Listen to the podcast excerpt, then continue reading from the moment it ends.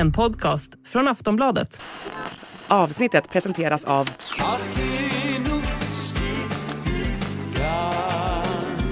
Stödlinjen.se, åldersgräns 18 år. Prins Daniel har åkt fast för fortkörning och vad händer egentligen när en kunglighet begår ett brott? Vi ska även prata om Megans exman. Det ryktas om att han ska skriva en bok och frågan är vad han kommer att avslöja i den. Vi berättar också att Frankrikes president ställer in statsbesöket till Sverige nästa vecka. Orsaken? Det rådande säkerhetsläget. Det här är Kungligt. Jag heter Sara Eriksson. Och jag heter Jenny Alexandersson.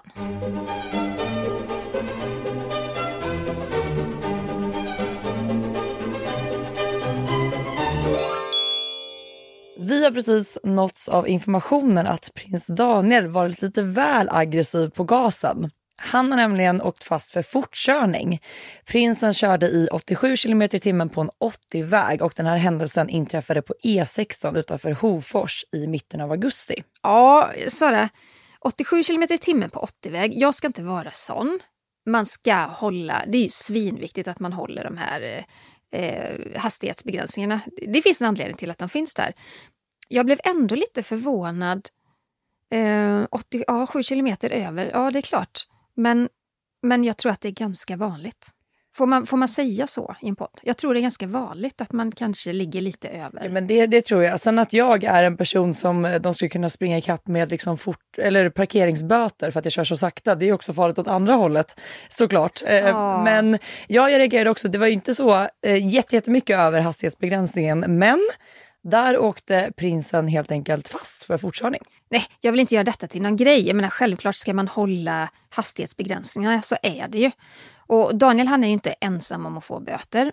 Förra året så åkte ju prins Carl Philip fast för att ha kört 89 km i timmen på en 70-väg. Det är lite mer. Lite är ja. lite mera. Mm, mm. Och han fick faktiskt böta. Eh, om jag minns rätt så låg det på 2400 spänn eller någonting.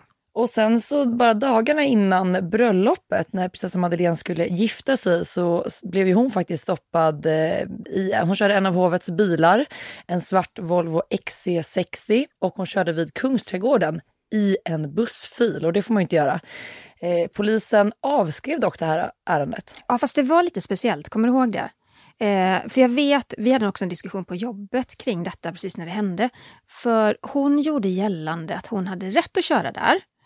Och eh, poliserna på plats, de var ju lite osäkra på de här åtalsimmunitetsreglerna. Så hon fick inte böter direkt. Men så kontrollerade de om, om de kom tillbaka till stationen eller hur de gjorde. De kontrollerade där. Och det finns ju inga undantagsregler för prinsessa Madeleine. Eh, så man upprättade liksom en, en rapport kring det där. Men eh, hon verkar ju ha hävdat då att hon har åtalsimmunitet eftersom hon är en del av kungafamiljen. Och för er som inte vet vad det betyder, det är ju då att man, man kan inte straffas för något brott och då ingår liksom även trafikförseelser och sådär. Men det här stämmer ju faktiskt inte. Nej, prinsessan Madeleine har ju inte åtalsimmunitet utan det är ju endast kungen som har det. Men där ska man också säga att det finns ju ett par undantag faktiskt när det kommer till det. Mm. Man kan ju stämma kungen i, civilmål och eh, kungen får självklart inte begå folkmord och sådana såna brott. Men Så eh, tänk då att det var kungen som hade åkt dit eh, och kört 87 kilometer i timmen på en 80-väg. Vad hade egentligen hänt då? Nej, men det, det händer nog egentligen inte så himla mycket. Det är klart att polisen kan stoppa honom. Skulle kungen köra väldigt snabbt, och han åker ju fast i, i en kontroll också, självklart. Men de får ju inte ge honom någon böter och det, det händer ju liksom ingenting mer än det. De kan ju förmana honom och säga att nu får kungen lätta på gasen här lite, men något mer händer inte.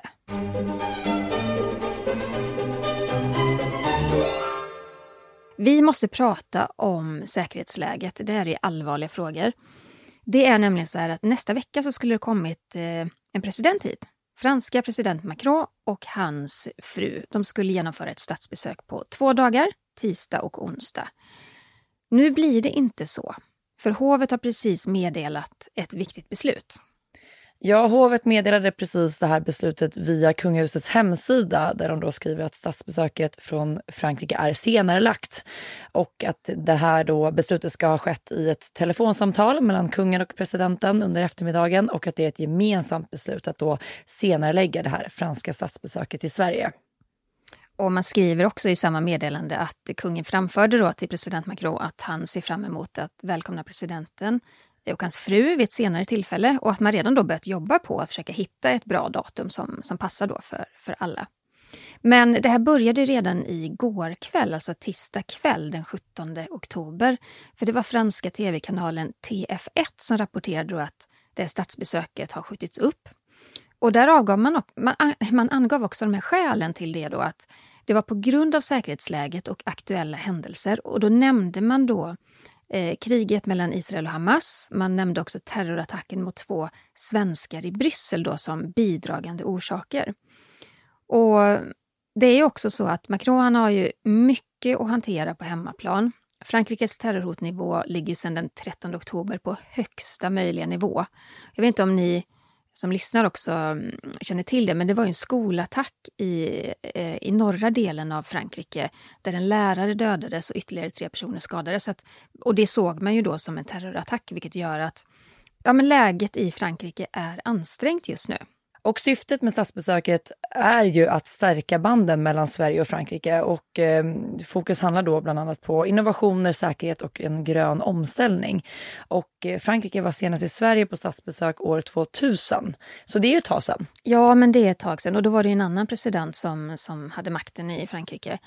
Men, eh, men det, det slutar ju liksom inte här utan det här läget det, det, det är ju instabilt i hela Europa.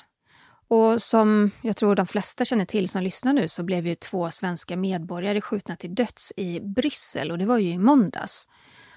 De blev attackerade av en man på en eh, moped som ja, men verkligen kallblodigt sköt ner dem innan han själv då flydde. Men han blev ju senare då, eh, alltså polisen hittade honom många timmar senare då och han blev ihjälskjuten av polisen.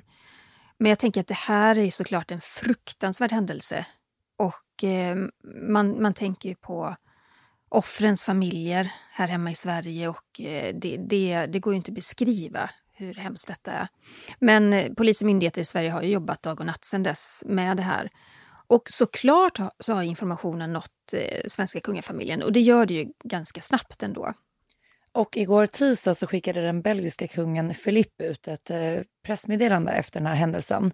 Och eh, de skriver att de är chockade efter terroristattacken och eh, de skrev ett pressmeddelande både på engelska, franska och tyska på sina sociala medier. Ja, och de skrev i stort sett om att vi är chockade över skjutningarna ikväll i vår huvudstad. Våra tankar går först och främst till offren, deras familjer och nära och kära. Vi stöttar säkerhetsstyrkorna som just nu gör sitt yt yttersta för att spåra upp gärningsmannen. Och det här bevisar ju bara, det här pressmeddelandet kommer så tätt inpå. Och det kan jag gilla. Jag kan gilla det med belgiska kungahuset, att, att de, de är snabba med sånt här. För det här var ju, det var ju långt innan gärningsmannen hittades. Så de ville verkligen gå ut och göra ett statement eh, tidigt. Och den här skjutningen den inträffade ju strax innan en fotbollsmatch skulle spelas mellan Sverige och Belgien. Och dagen efter dådet så var det planerat för ett statsbesök i Bryssel. Det var då Portugals president som skulle besöka Belgien. Men med tanke på den höga terrorhotsnivån så var man tvungen att göra om hela den här planeringen. Ja, men man tog ju bort i stort sett alla offentliga tillställningar. Den här ceremonin vid Kungliga slottet. Man tog bort det här besöket som oftast görs då vid minnesmärket för den okända soldaten. Där skulle då både kungen och presidenten vara på plats. Men, men det handlar om att man vågar ju inte vara i, i ett sånt här läge när man har högsta terrorhotnivå.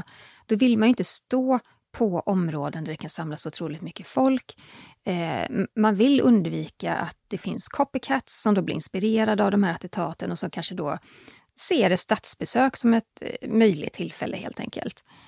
Um, så det var nog ett bra beslut att man, man kunde inte ställa in det för det var så tätt inpå, men man kunde planera om det helt enkelt. Och här i Sverige då så valde man istället att ställa in eller förflytta det framåt, det här planerade statsbesöket.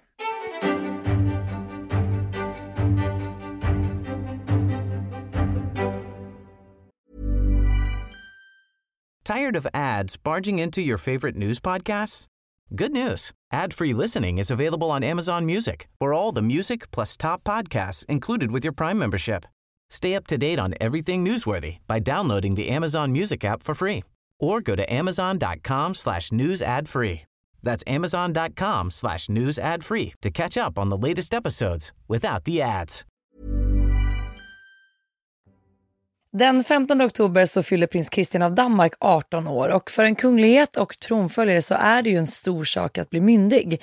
För det innebär ju att man kan vikariera för den sittande regenten och att man, ja, man har ett mycket större ansvar att representera. Ja, men låt säga att drottningen blir sjuk och kronprins Fredrik är bortrest på någon officiell resa. Då är det faktiskt så att numera kan prins Christian faktiskt hoppa in och Mm. ta över det här uppdraget. Men många kungligheter befinner sig ju mitt i sina studier i den här åldern och eh, prins Christian har ju faktiskt meddelat att han kommer att fokusera på studierna fram till den dagen han är, eller fyller året han fyller 21. Han kommer därför inte heller ta del av apanaget förrän han fyller 21 år. Och det här är ju såklart ett smart drag av prinsen. Jag menar dels att fortsätta fokusera på sin skolgång. Vi har pratat mycket om det här i podden att eh, som liksom framtida regent då gäller det att man studerar och man får ju verkligen en liten ihopsnickrad utbildning just för att ja, men lära sig lite om många olika ämnen för att då kunna växa in i den här rollen och även den delen att just få den här tiden att växa in i rollen som landets framtida kronprins och ändå landets kung. Jag gillar också att han officiellt går ut och säger att han inte ska ta del av apanaget. Eh, Katarina Amalia av Nederländerna gjorde ju faktiskt precis samma sak. För hon, hon pluggar ju också just nu i, i Amsterdam. Och jag tycker det är fint. Och de säger att de kan vänta med de här pengarna. Behöver man inte slösa med några skattepengar. Och det är också så att så fort en kunglighet får ta del av ett apanage då ställs ju också ett annat typ av krav på dem och folket kommer undra och ifrågasätta liksom på vilket sätt han bidrar och arbetar för kungahuset. Så genom att markera det här så blir också pressen på honom mindre. Men vi måste ju då prata om det här 18-årsfirandet i Köpenhamn. Eh, det var verkligen en festlig dag från start till slut. Det var det. Det var vaktombyte, det var kunglig vink från balkongen. Eh, men det som var roligast var kanske den här stora galamiddagen på kvällen. Eh, Estelle var på plats i Köpenhamn. Han, hon ville ju fira sin släkting och kungliga kollega. Och danska och svenska kungafamiljen står ju ändå varandra väldigt nära. Och vi har ju sett henne på galamiddagar tidigare. Hon var ju med när norska prinsessan Ingrid Alexandra fyllde 18 år ganska nyligen. Och då får man väl ändå säga att hon gjorde succé. Det var ju medier över hela världen som skrev om prinsessan Estelle. Ja, och nu var det dags igen för prinsessan Estelle gjorde entré på Christiansborgs slott för den här stora galamiddagen tillsammans med då kronprinsessan Victoria och prins Daniel. Och eh, kronprinsessan är ju faktiskt gudmor till prins Christian så det var ju säkert en extra härlig stämning mellan den svenska och danska kungafamiljen den här kvällen. Ja, Estelle var gullig tycker jag. Eller gullig, hon var fin. Hon var klädd i en rosa tylldröm med vackra blomsterapplikationer och pärlor på livet. Och eh, det var ju faktiskt Christer Lindarw som skapade den här klänningen. Otroligt fint eh, hantverk. Och han gjorde ju även två fantastiskt vackra klänningar som kronprinsessan Victoria bar under kungens tronjubileum. Ja, den jag tänker på är den här korallfärgade klänningen. Det var dagen före kungens stora jubileumsdag. Det var en festföreställning på Drottningholms slottsteater och hon gör entré i någon sån här djup aprikosfärgad klänning med tyll, alltså nej inte tyll, vad heter det, med lite vidd i kjolen och så någon snygg blomma på ena axeln. Ena axeln var ju väl bar. Ja, precis. Och på den axeln som var klädd så hade man ju adderat som en blomsterapplikation som näst, alltså nästintill så här lite 3D-känsla för den stack ju upp och ut något och var lite så här vippig på axeln. Det var ju Ja, jättefint. Otroligt snyggt. Och eh, sen dagen efter när det var dags för den här jubileums eller galamiddagen på Kungliga slottet, så i rikssalen, då gjorde ju kronprinsessan entré i den här blåa klänningen, lite olika blåa toner och även den hade ju faktiskt Christer Lindarw skapat. Så jag känner lite så här nu, är det här kanske kronprinsessfamiljens nya favoritdesigner vi ser? Han är ju otroligt duktig måste man säga. Det är också lite roligt att tänka på att eh, Christer Lindarw, han har ju faktiskt uppträtt på eh, Victoriadagen. Och det var när kronprinsessan fyllde 40 år och det var ju med After Dark. Och han imiterade drottning Silvia under den här festföreställningen. Och det var himla roligt. Vi lyssnar lite på hur det lät. Victoria, jag vet något som du inte vet. En överraskning du ska få med detsamma. För dagens höjdpunkt är inte något dyrköpt paket. Nej, nej, det är en sång i present från din lilla mamma. Det är det som är så häftigt tycker jag. Alltså, snacka, alltså, han är så talangfull. Alltså, ena dagen står han på scenen och liksom framträder för, för kungafamiljen och gör det här så bra och sen nästa sekund så designar han kläder åt dem. Det tycker jag är väldigt häftigt. Mm. Men tillbaka till galamiddagen i Köpenhamn. Eh, familjen delade faktiskt på sig när de eh, klev in i den stora middagssalen. Eh, Estelle och prins Daniel de satt vid samma bord. Kronprinsessan Victoria satt vid bordet bredvid prins Christian. Hon är ju faktiskt gudmor till honom ju. Ja, så man förstår att hon fick en plats ändå relativt nära födelsedagsbarnet även om de inte delade bord. För att eh, prins Christian han hade drottning Margrethe, alltså sin farmor till bordet. Och på andra sidan så hade han prinsessan Ingrid Alexandra eh, av Norge. Och eh, kronprinsessan Victoria hon satt bredvid eh, kronprins Fredrik av Danmark. Och eh, ja, men på den här festen, det var ju både familj och vänner och även en kul detalj är ju att det var ett par hundra nyblivna 18-åringar ifrån då Danmark, Grönland och eh, Färöarna på plats för att fira Christian. Och det här är kul. Jag försöker ju hänga med lite på TikTok framför allt. Och det är ju så roligt att det var liksom så att säga vanliga människor som var inbjudna och det har gjorts så otroligt många klipp från när de här gästerna då det är som att liksom vem som helst skulle bli inbjuden till den här typen av fester. Men vad då för klipp? Ser de uttråkade ut? Eller vad? Nej, nej, de ser ut att ha kul och de har gjort så här roliga, det ligger på som ljud att så här, eh, när, du, när du hamnar på en kunglig fest, lite sådär. Och sen har de bara gjort klipp på hur de ser ut när de glider omkring i de här kungliga salarna. Härligt. Ett kul grej tycker jag att de bjöd in eh, nyblivna 18-åringar från hela landet. Ja. Men hur verkar stämningen ha varit då? Såg du sändningen förresten? Ja, jag har sett den. Jag såg den inte live, jag såg den i efterhand. Ja. Eh, men det är klart, alltså, danskarna är ju bra på att fira. Eh, en 18-åring, alla kompisar, det var ju bra energi, bra drag. Och, ja, men jag tyckte det var väldigt kul också att danska hovet har ju verkligen steppat upp när det kommer till sociala medier. Där tycker jag att många andra hov bör inspireras, för de är verkligen med där. De la ut ett eh, roligt klipp ifrån efterfesten då när middagen var avslutad. Det var den här danska rapparen, eh, jag tror den heter Benjamin Hav och familjen, eh, som då stod på scenen. Och eh, ja, men det var riktigt drag och lilla prins Vincent, då, lillebror till prins Christian, han hoppade som en studsboll. Och det är så kul tycker jag, man ser liksom kungligheterna i de här galastassen, i de här militäruniformarna, liksom stå med så här tassels på axlarna och rocka loss till en rappare. Det blir sådana kontraster och det är kul att se. Eh, sen när festen var avslutad och gästerna skulle gå hem, då fick alla en liten presentpåse. Och i den här påsen så låg det en smörgås, en dryck och så var det någonting mer. Och det var många på sociala medier som undrade, men varför? De är väl mätta från middagen, varför skulle man ha lite macka med sig? Men då är det tydligen så att många kommer ju långväga ifrån och skulle också då ha en bussresa hem som tar ganska lång tid. Så det här var ju en liten matsäck att ha med sig på resan hem helt enkelt. Alltså, det är väl det mest perfekta. Det finns väl ingenting som är så gott som en eh, ostmacka efter man har varit Ja. på festligheter tänker jag. Men eh, det här klippet som jag förresten pratade om när om den här efterfesten, det finns ju att se på danska kungahusets Instagramkonto. Och just det här med dansande kungligheter, vi får ju ibland frågan lite så här, vad gäller med dans och vem får man bjuda upp och så vidare. Vi har ju faktiskt sett att även svenska kungafamiljen är ju bra på att släppa loss. Mm. Jo, så är det. Eh, det finns ett klipp från Polar Music Prize, eh, kan vara från 2016. Och eh, då dansar ju fast, faktiskt kungen ut Ja, ifrån det. konserthuset. Jassar loss lite grann och tätt följd av drottningen som så här också dansar och viftar lite med sin bukett. Och sen Victoria och eh, prins Daniel. Så det är klart att de, det är klart att de dansar. Men grejen är ju också så här att eh, de, det sker ju oftast i vanliga fall vid privata tillställningar som bröllopsfest och födelsedagar och sådär.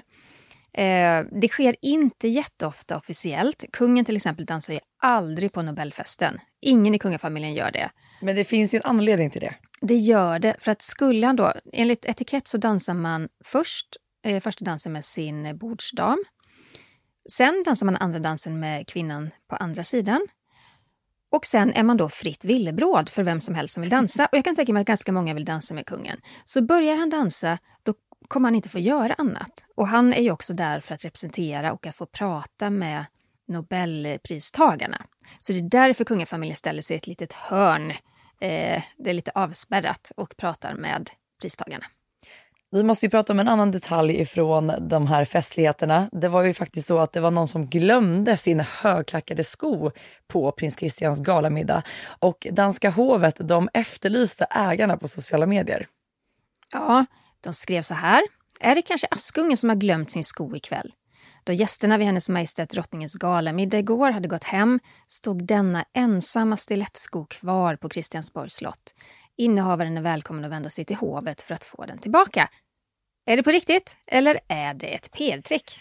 Jag har ju funderat på det. Oavsett så älskar jag att hovet la upp det här. Men det, jag tror faktiskt med att det är ett PR-trick PR-trick för att den här skon är så pass clean och ser nästan helt oanvänd ut. Jag kan säga att mina klackar, de ser inte ut sådär efter en eh, kväll där jag släppt loss på något dansgolv.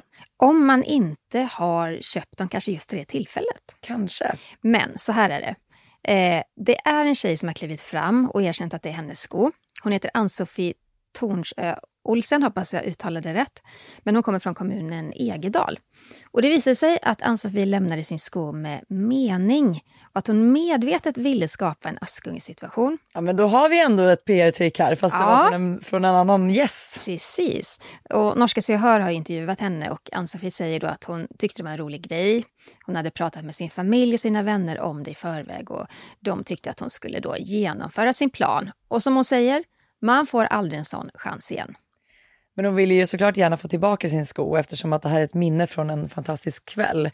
Och det var ju många som engagerade sig på danska kungahusets Instagram och, och då kommenterade den här Askungesituationen väldigt positivt.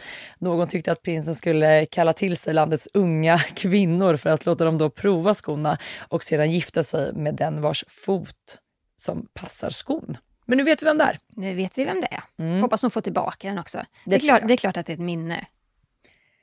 Men vi måste också nämna prinsessan Maria Chiara eh, di Bourbon. Kommer ni ihåg att det var så himla mycket rykten kring henne och prins Christian? De hade setts tillsammans i Monaco vid ett Formel 1-lopp och efter det så tussade alla ihop dem och tänkte att de har ju en relation. Men både hon och prins Christian de har ju dementerat ryktena och säger att de är ju vänner sedan de var småbarn. Men alla hoppades att hon skulle dyka upp på prins Christians fest och då hade ju det snurrat till ordentligt i rapporteringen. Men eh, prinsessa Maria Chiara var inte med på prins Christians myndighetsdag. Och i och med att hon inte var det så är ju de här ryktena nu så gott som döda skulle jag säga.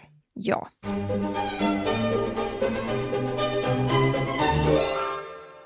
Men apropå kärleksrykten Jenny så måste vi prata om prinsessan Leonora av Spanien Ja, hon genomgår just nu en treårig militärutbildning. Eh, och vid en ceremoni där då de här officerseleverna svär trohetseden till flaggan så var kung Filippe och drottning Letizia på plats. Och efter ceremonin då så tog kungaparet tillsammans med prinsessan Leonor emot då hennes, vad ska man kalla dem, klasskompisar och skakade hand med dem. Och det var ett ögonblick som fått extra stor uppmärksamhet och som blivit en riktig viral snackis. Och Sara, berätta. Nej, men I det här klippet då, så ja, men alla passerar, det är män och det är kvinnor och de tar i hand med först då kungen, drottningen och sist då prinsessan Leonor. Och helt plötsligt så är det en av de här männen som tar i hand med kungen och ler extra mycket. Och eh, han ler när han träffar både Letizia och, och prinsessan. Och efter han då har passerat så vänder sig kung Philippe om och även Letizia mot deras dotter Leonor. Och Ja men ni vet, det är en sån där blick och ett leende som man bara kan få från sina föräldrar när de vet någonting, när de Aha. förstår någonting. Så när han hälsar, han hälsar först på kungaparet, ja. sen på Leonor ja. och då tittar kungaparet på när de hälsar? Precis, och när han då har passerat så tittar han på sin dotter och ger henne, ah. du vet en sån här blick man kan få från sin pappa när det är så, jag förstår, jag fattar. Och även då drottningen gör samma sak. Och eh, ja, men det här har ju blivit såklart ett klipp, det har spridits enormt mycket på, på TikTok bland annat. Jag får upp det överallt just nu. Och det är ju många som tror att Leonor har en relation med den här mannen som genomgår samma utbildning som henne. Och eh, nu kanske ni alla vill se det här så jag får väl faktiskt dela det på Instagram efter att det här avsnittet har släppts. Gör det. På Instagram då eh, söker ni på royalistan.se så kommer ni till Saras eh, konto. Yes. Så får ni avgöra då om ni får samma feeling som jag fick när jag såg det här klippet. Om det är love is in the air. Jag tror det. Vi har kommit fram till veckans Harry och Meghan.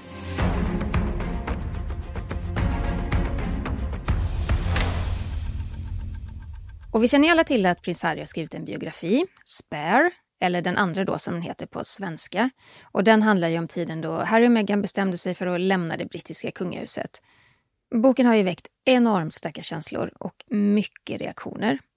Det har liksom bildats två grupper. De som tycker att Harry och Meghan gjorde helt rätt som lämnar kungahuset och som hejar på dem. Och en annan grupp då som tycker att paret har bett sig illa och behandlat kungafamiljen på ett dåligt sätt. Och även om paret har tagit sig ur den värsta stormen och eh, det inte har varit så många stora rubriker kring, kring Harry och Meghan på ett tag, så vet vi ju att det alltid kommer något nytt förr eller senare. Och nu har det då visat sig att Megans exman, Trevor Engelson, kommer att skriva en bok om sitt liv. Och man tar såklart för givet att han även kommer att skriva om Meghan i den här boken. Mm. Meghan och Trevor de gifte sig 2011, men så skilde de sig bara två år senare. Och då hade de ju sammanlagt varit ett par i sex år. Meghan hade flyttat till Kanada, hon skulle medverka i tv-serien Suits och Trevor då, han är vd för produktionsbolaget Underground. Och eh, jag menar nu, ja men sen 2019 så är han gift med en annan kvinna, näringsterapeuten Tracy Curland. Och det verkar inte heller finnas någon direkt här, koppling mellan honom och Meghan. De verkar inte ha någon vänskap. Vilket man kan förstå därför att Meghan tydligen skickade tillbaka förlovningsringen och vigselringen i ett kuvert med posten till honom. Så det kanske inte slutade jättebra. Men amerikanska medier rapporterar att det förekommer uppgifter om att en bokagent erbjudit Trevor ett miljonbelopp för att skriva sina memoarer. Och jag tänker att det är den här bokagenten slash bokförlaget såklart hopp hoppas på att det då i så fall ska skrivas någonting om Meghan, för det kommer ju att sälja. Ja, annars så har jag svårt att se att han skulle bli erbjuden så mycket pengar för att skriva en, en bok. Mm. Så det måste nog innehålla, innehålla detaljer. Men bekanta vittnar då om att eh, Meghan förändrades väldigt mycket som person när hon fick rollen i Netflix-serien Suits. Att hon blev lite som en annan människa. Men man tror att det finns eh, många fler och mycket större avslöjanden som Trevor kan göra Meghan och det liv som de hade tillsammans. Mm. Men eh, behöver Meghan vara rädd för att exmannen avslöjar någonting? Skulle det påverka henne på något vis? Alltså, det känns som att Meghan är ganska bra på att slå hål på den här typen, om det nu skulle framkomma någonting så tror jag att hon kommer ha svar på tal eh, gällande det.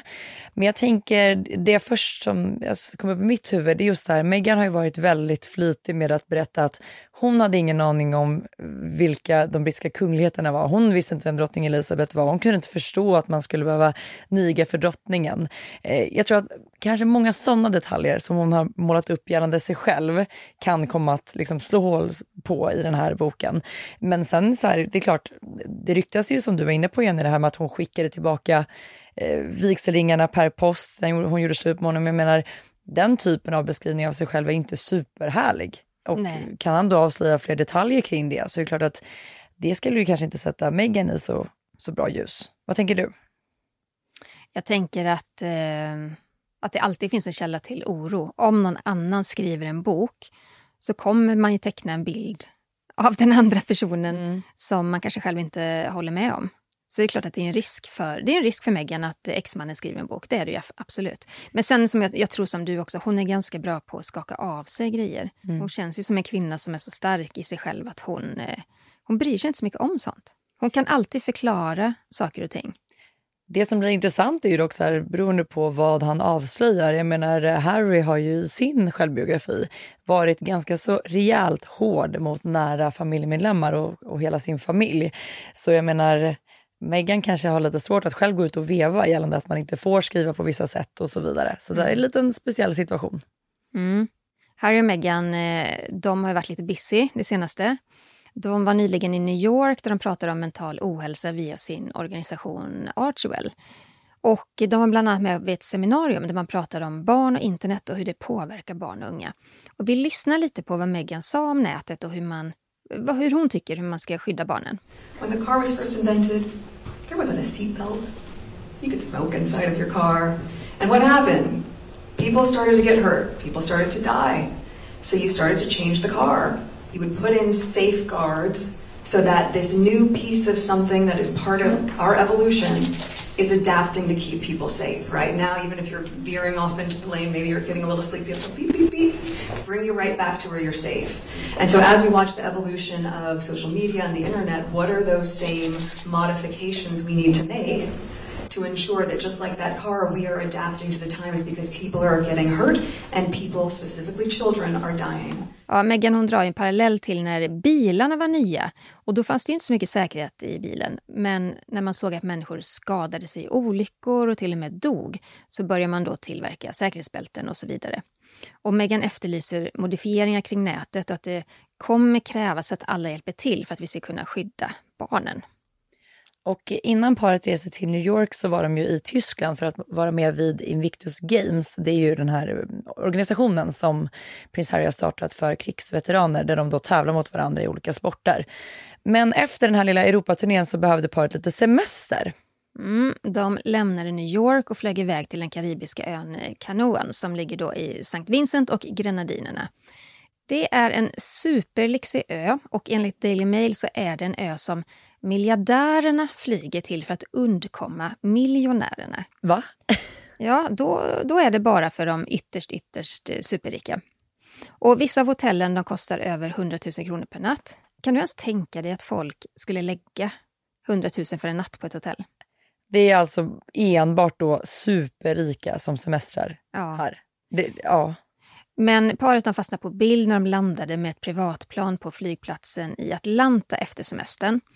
Och barnen Archie som är fyra och ett halvt ungefär och Lilibet hon är väl, vad är hon sa, två och ett halvt? Två och ett halvt år, ja. De verkar du inte ha varit med för att det var bara Harry och Meghan som då liksom klev av privatplanet. Men det här är ju på ett sätt lite av en kunglig trend det här med att semestra i Karibien. För en bit bort så ligger ju den här, det här Mystic där då prinsessa Margaret hade en privat villa. Det var ju i stort sett där hon tillbringade ja, större delar av sitt liv. Ja, och sen prinsessa Madeleine, hon var på bröllopsresa. Visst åkte de också till någon karibisk ö? Det tror jag. Och sen vet vi också att prins William och Kate ofta semestrar där. Eh, så att, ja men det verkar vara dit som kungligheterna helst reser. Mm. Ja, men Kate och William har varit där, alltså på ön Mystic flera gånger då med eh, Kates föräldrar. Och på tal om Kates föräldrar, de har faktiskt blivit attackerade genom att någon sätter upp affischer och lappar i närheten av deras hem i Bucklebury i Berkshire. Och Carol hon är 68, Michael är 74 och de ägde tidigare ett stort företag som sålde partyprodukter. Ja, men du vet, så här, placeringskort, ballonger, mycket var fokuserat på barnkalas. Eh, de startade det här, det hette Party Pieces, de startade 1987. Eh, men när pandemin kom, precis som många andra företag, det, det kraschade totalt. Det var ju ingen som arrangerade fester och barnkalas längre, så det är klart att det påverkade företagets ekonomi. Och sen efter det så kom den ekonomiska krisen Ja, men det här bidrog ju faktiskt till att Keys föräldrar beslutade sig för att sälja Party Pieces eftersom att bolaget ja, men drog på sig stora skulder under den här perioden. Men den nya ägaren kunde inte få företaget på fötter och bara två veckor efter försäljningen i, i somras då så gick företaget i konkurs. Och då var det ju många leverantörer som fortfarande inte hade fått betalt. De är tydligen jätteupprörda. Och en del av dem kräver då att Carol och Michael de ska betala där eh, skulderna ur egen ficka. Mycket på grund av att många fakturor inte betalades i tid och de skulle varit betalda långt innan det då blev en försäljning och en konkurs. Men vem som ligger bakom den här posterkampanjen har man inte fått veta.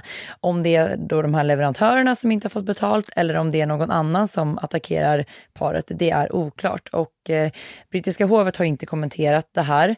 De ger ju faktiskt inga kommentarer kring Keys familj för de ja, men de betraktas ju som en privatfamilj och inte en del av kungafamiljen.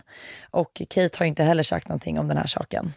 Men Kates bror, som bor i närheten av barndomshemmet, eh, han har då synts gå runt i byn och ilsket driva ner massor med affischer och eh, lappar. Och det kan man väl förstå på något sätt.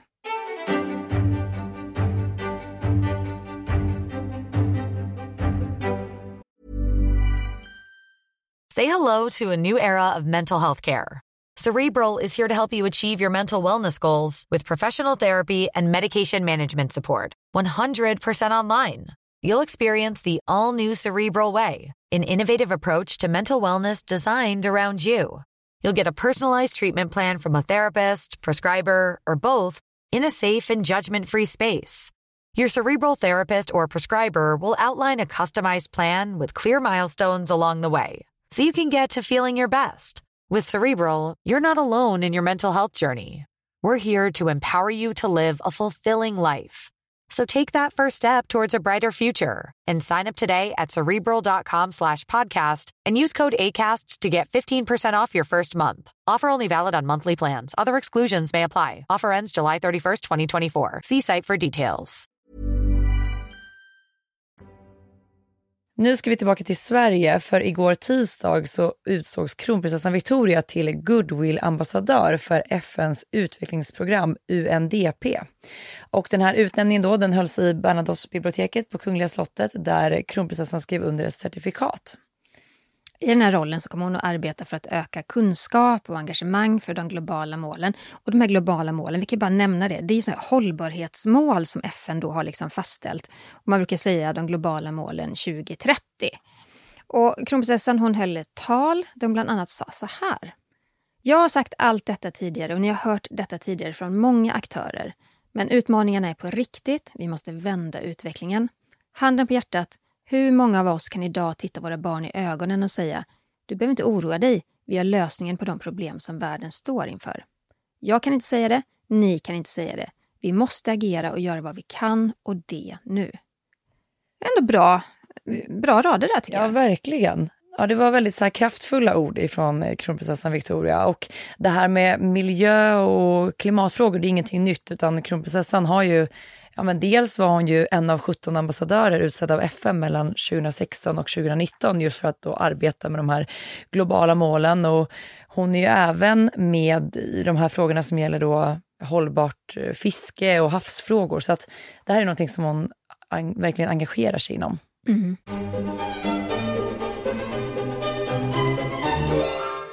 Prinsessan Ingrid Alexandra som är 19 år hon har bestämt sig för att lämna familjens hem i Skaugum och flytta in till Oslo. Och enligt norska Se Hör har prinsessan skaffat sig en lägenhet i det här trendiga området Grünerlöcka i centrala Oslo. Man har ju hört rätt mycket om det området. Mm, det har gjort. Och det bor väl också lite, visst bor det lite förmögna människor där också? Eh, så har jag också förstått det. Och det, ja. Stadsdelen beskrivs ju också som Oslos coolaste, där man då har nära till allt man kan önska sig av ett cityliv. Det är känt för sin gatukonst, stilsäkra barer, nattklubbar, kaféer och vintagebutiker. Tycker det låter perfekt för någon som snart fyller 20. Absolut. Prinsessan hon tog studenten vid Älvebacken gymnasium i Oslo tidigare i år. Eh, just nu jobbar hon som skolassistent på Uranienborgs skola där hon själv har pluggat. Hon gick på högstadiet där. Gud vad jag gillar att norska kungafamiljen är så jordnära. Mm. Att inga problem att prinsessan, alltså framtida norska drottningen, jobbar som skolassistent på en eh, högstadieskola. Jag, jag gillar det. Det är ett så smart drag av, eh, av henne själv och hela kungahuset att här, tycka att det här var en bra idé. För det här tror jag verkligen kan gynna henne på så många sätt. Ja, för det är också så att många kungligheter kanske inte har samma kontakt med den delen av världen. Eller den vanliga av delen. samhället. Nej, men så är det ju. Men sitter man som, eh, som elevassistent, då, då får man se ganska mycket. Bra gjort av henne. Verkligen. Prinsessan ska ju då ha lämnat familjehemmet, men lillebror prins Sverre Magnus som är 17 år, han bor ju fortfarande kvar. Så än så länge har ju inte eh, kronprinsparet fått alla barn liksom utflugna. Han går ju fortfarande sista året på gymnasiet vid det här Älvabackensskolan, där även då Ingrid Alexandra studerade. Ja, och som vi pratade om tidigare så närvarade ju prinsessan Ingrid Alexandra tillsammans med sina föräldrar vid eh, prins Christian av Danmarks 18-årsfirande i Köpenhamn i helgen. Och jag tycker det var så fint att se kronprinsessan Mette-Marit på benen igen. Hon skulle ju faktiskt ha närvarat vid eh, kung Carl Gustav här i Sverige, hans tronjubileum, men fick då ställa in på grund av att hon var sjukskriven. Och eh, där handlar ju då om att det var redan i oktober 2018 som hon meddelade att hon fått diagnosen lungfibros. Den här diagnosen eller sjukdomen kan leda då till en envis hosta, andfåddhet och återkommande infektioner. Så jag tyckte det var extra kul att se henne på plats i Köpenhamn och kunna delta vid firandet. Ja men verkligen. Det är ju faktiskt en ganska elak och hemsk sjukdom. Man blir rätt svag. Mm. När, det där kan ju gå i liksom skov också. Mm. Men apropå kronprinsessan Mette-Marit och prinsessan Ingrid Alexandra. Vid galamiddagen så gjorde de en fantastisk entré i matchande klänningar. Det var lite isblått turkos tema på dem båda. Och det verkar ju faktiskt som att Ingrid Alexandra inspirerats av sin fadder, kronprinsessan Victoria. För att hon återanvände nämligen sin mammas klänning. Den här turkosblåa klänningen från märket Pucci bar prinsessan Mette-Marit för 12 år sedan när först Albert och förstinnan Charlene gifte sig 2011. Det är fint att se. Bra med återbruk. Det Mm. gillar man. Jag tycker Ingrid Alexander prickar in många rätt. Ja. Vi har faktiskt fått en lyssnarfråga ifrån eh, en lyssnare i Oslo, Maj-Britt. Och hon frågar så här, kan ni berätta om hur reglerna ser ut för kungafamiljerna i Sverige och Norge?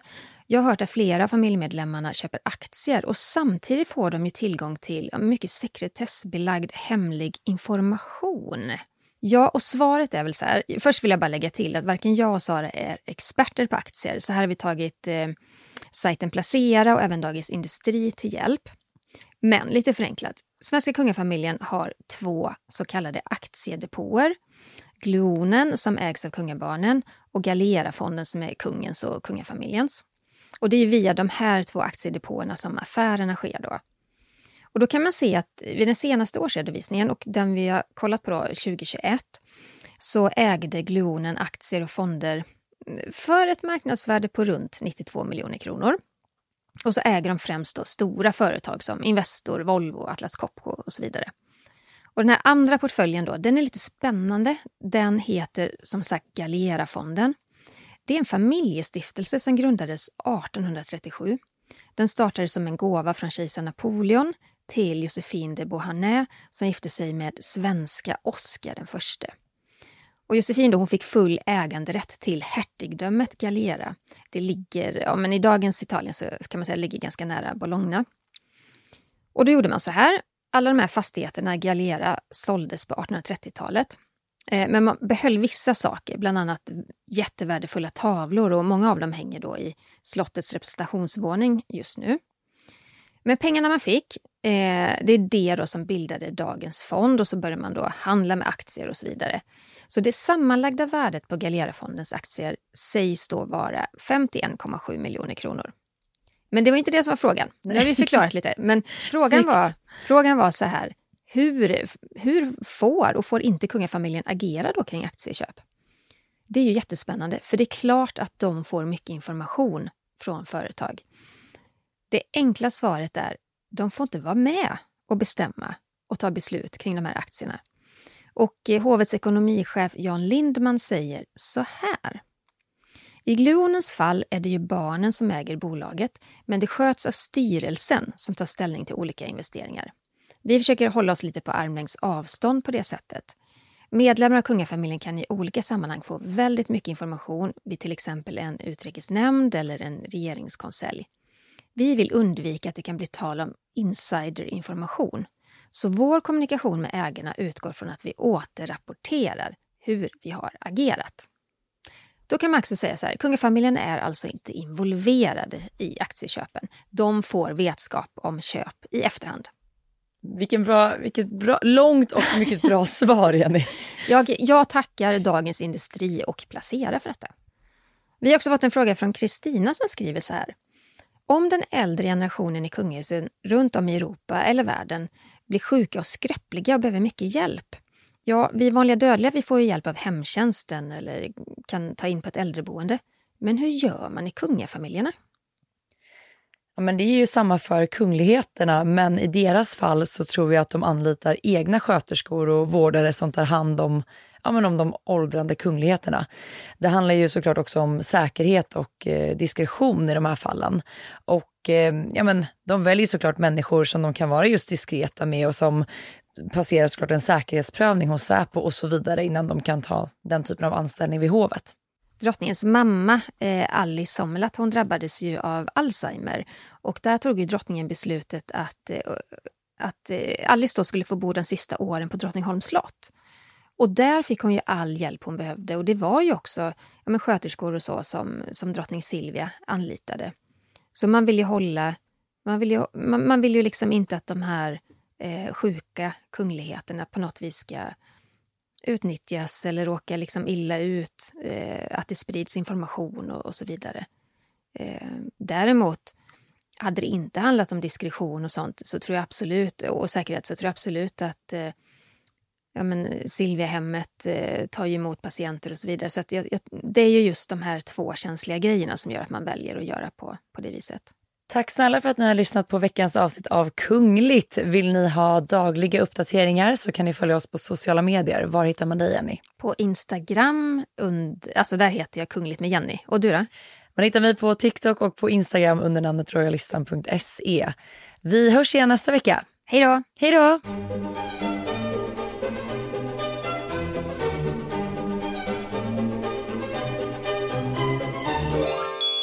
Du har lyssnat på en podcast från Aftonbladet. Ansvarig utgivare är Lena K Samuelsson. This message comes from BOF sponsor eBay. You'll know real when you get it. It'll say eBay Authenticity Guarantee. And you'll feel it. Maybe it's a head turning handbag, a watch that says it all, jewelry that makes you look like the gem, or sneakers and streetwear so fresh every step feels fly. eBay gets it.